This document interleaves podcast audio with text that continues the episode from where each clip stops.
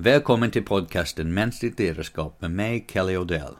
Författare, strategikonsult och ledarskapscoach. I denna podcast reflekterar jag över ämnen som berör ledare. I dagens avsnitt tar jag upp ämnet etik i verksamheten. Och jag ger fem tips på hur man kan jobba med etikfrågor i verksamheten.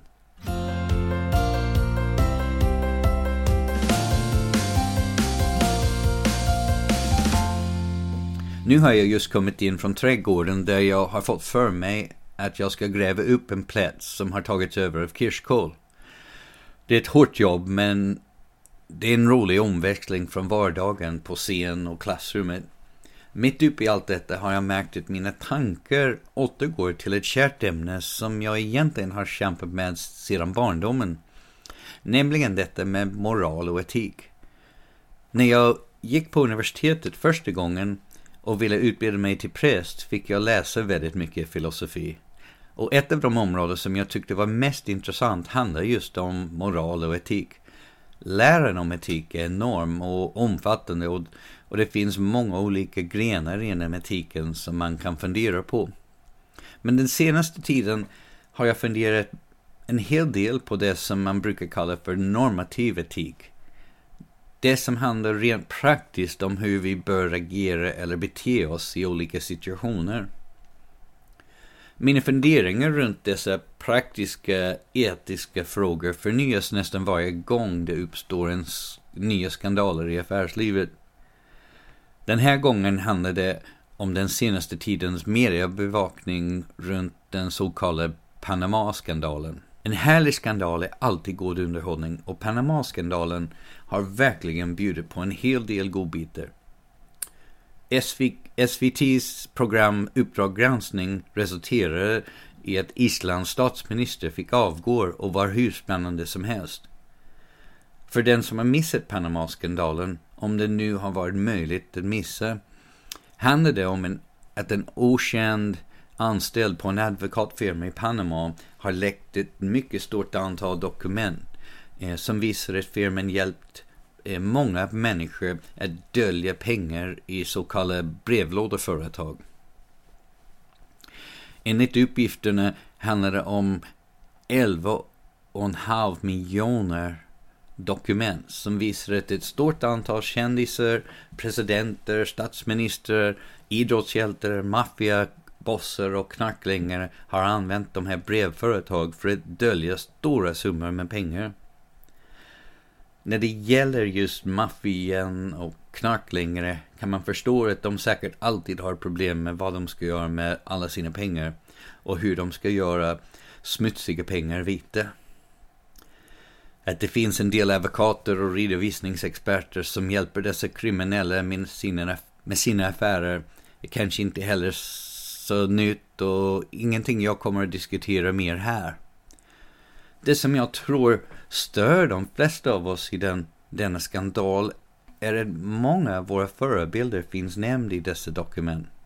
Vi blir störda över att få veta att högt uppsatta människor i samhället fuskar. De som vi vill se upp till, de som vi betraktar som våra ledare eller våra idoler visar tecken på att inte vara annat än giriga människor, beredda att gå långt för att slippa betala skatt på sina pengar. Ännu är det oklart hur många av dessa uthängda personer som har faktiskt handlat olagligt. Helt klart att många av dem inte har brutit mot sitt lands lagar. Jag har sett flera högt uppsatta personer på TV bedyra sin oskuld genom att upprepa att de inte har gjort något olagligt. Tiden får visa om detta stämmer. Men en viktigare fråga är om de har gjort något oetiskt. Att man inte har brutit mot lagen är ingen garanti för att man har gjort rätt. Det innebär bara att man inte riskerar något formellt straff för sitt agerande. Men om de inte har brutit lagen, vem bestämmer om de har gjort rätt eller fel? På vilka grunder kan man avgöra om det är fel eller inte? Dessa frågor kan bli mycket mer komplicerade. Vi som individer och våra verksamheter bör rimligen hålla oss på rätt sida om lagen. Men om gränsen mellan olagligt och lagligt inte är densamma som gränsen mellan rätt och fel, hur ska vi göra då? Ibland, förhoppningsvis inte ofta, men ibland kan det vara så att det som är lagligt är fel. Och det som är olagligt är rätt. Det var till exempel en gång i tiden lagligt att äga slavar. Och att hjälpa en människa rymma från slaveriet var olagligt.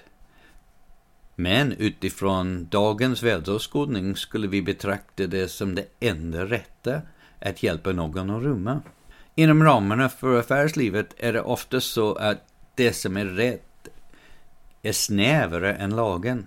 Det kanske handlar om ett företag som exklu exkluderar vissa tillåtna ämnen från sina produkter för att de vet att de är skadliga för sina kunder.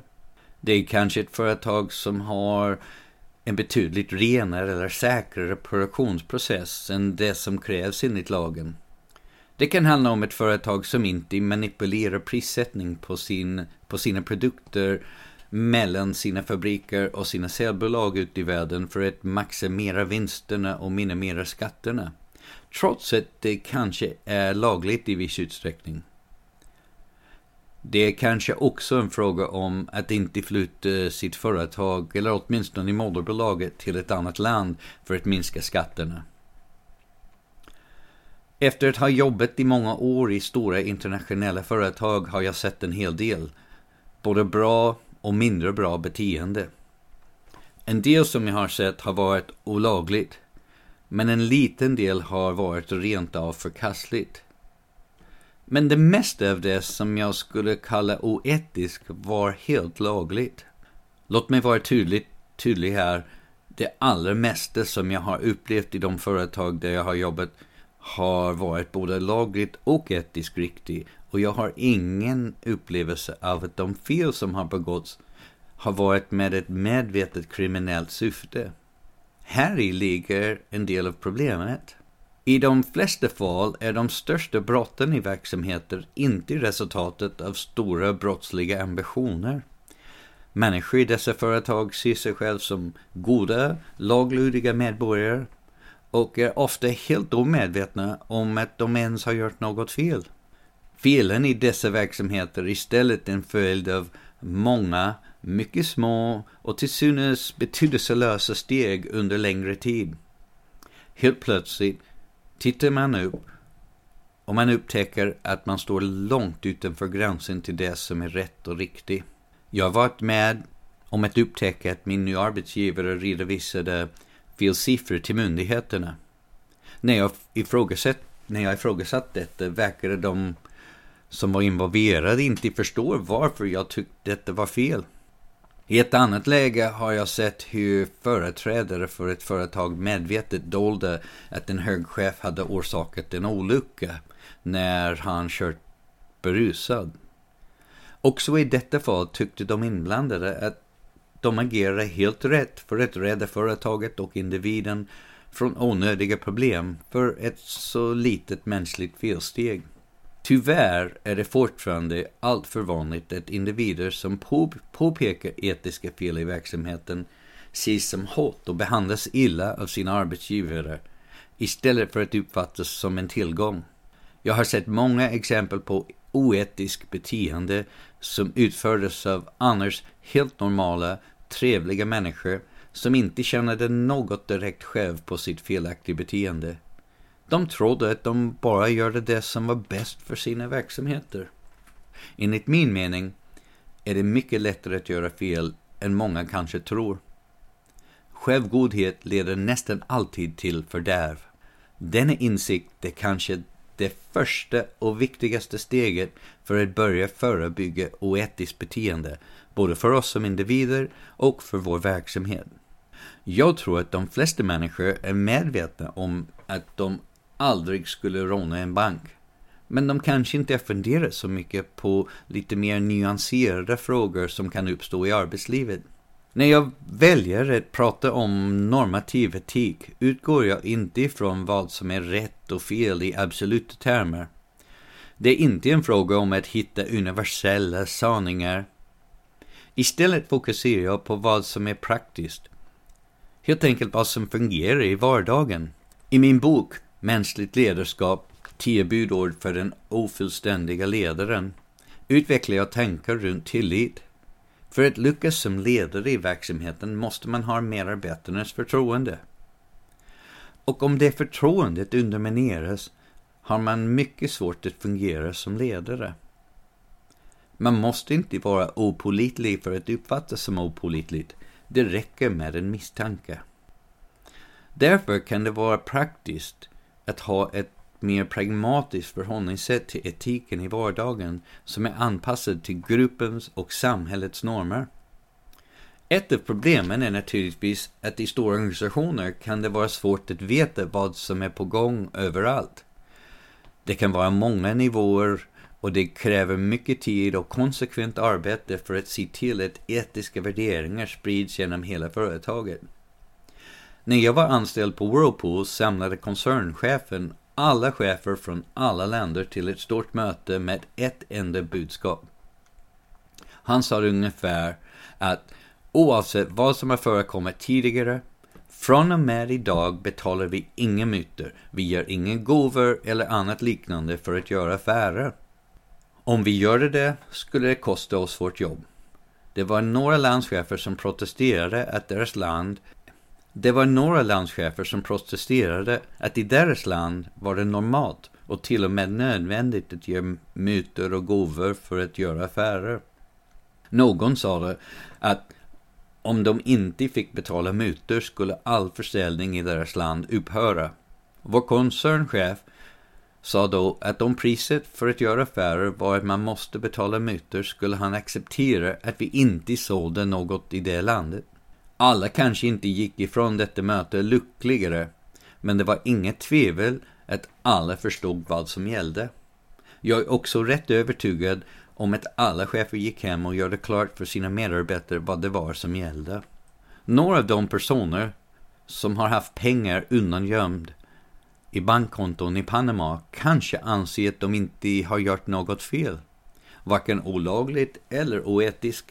Men frågan är om de är glad, gladare nu att deras agerande offentliggörs. Ett enkelt råd är att inte göra något som du inte skulle vilja läsa om i tidningen. Även denna regel kan ha viss undantag då till exempel kändisar kan tvingas utstå paparazzi-journalister som stoppar sina kameralinser in genom sovrumsfönstret. En del saker tål inte offentlig, offentlighet eftersom de helt enkelt inte hör till offentligheten.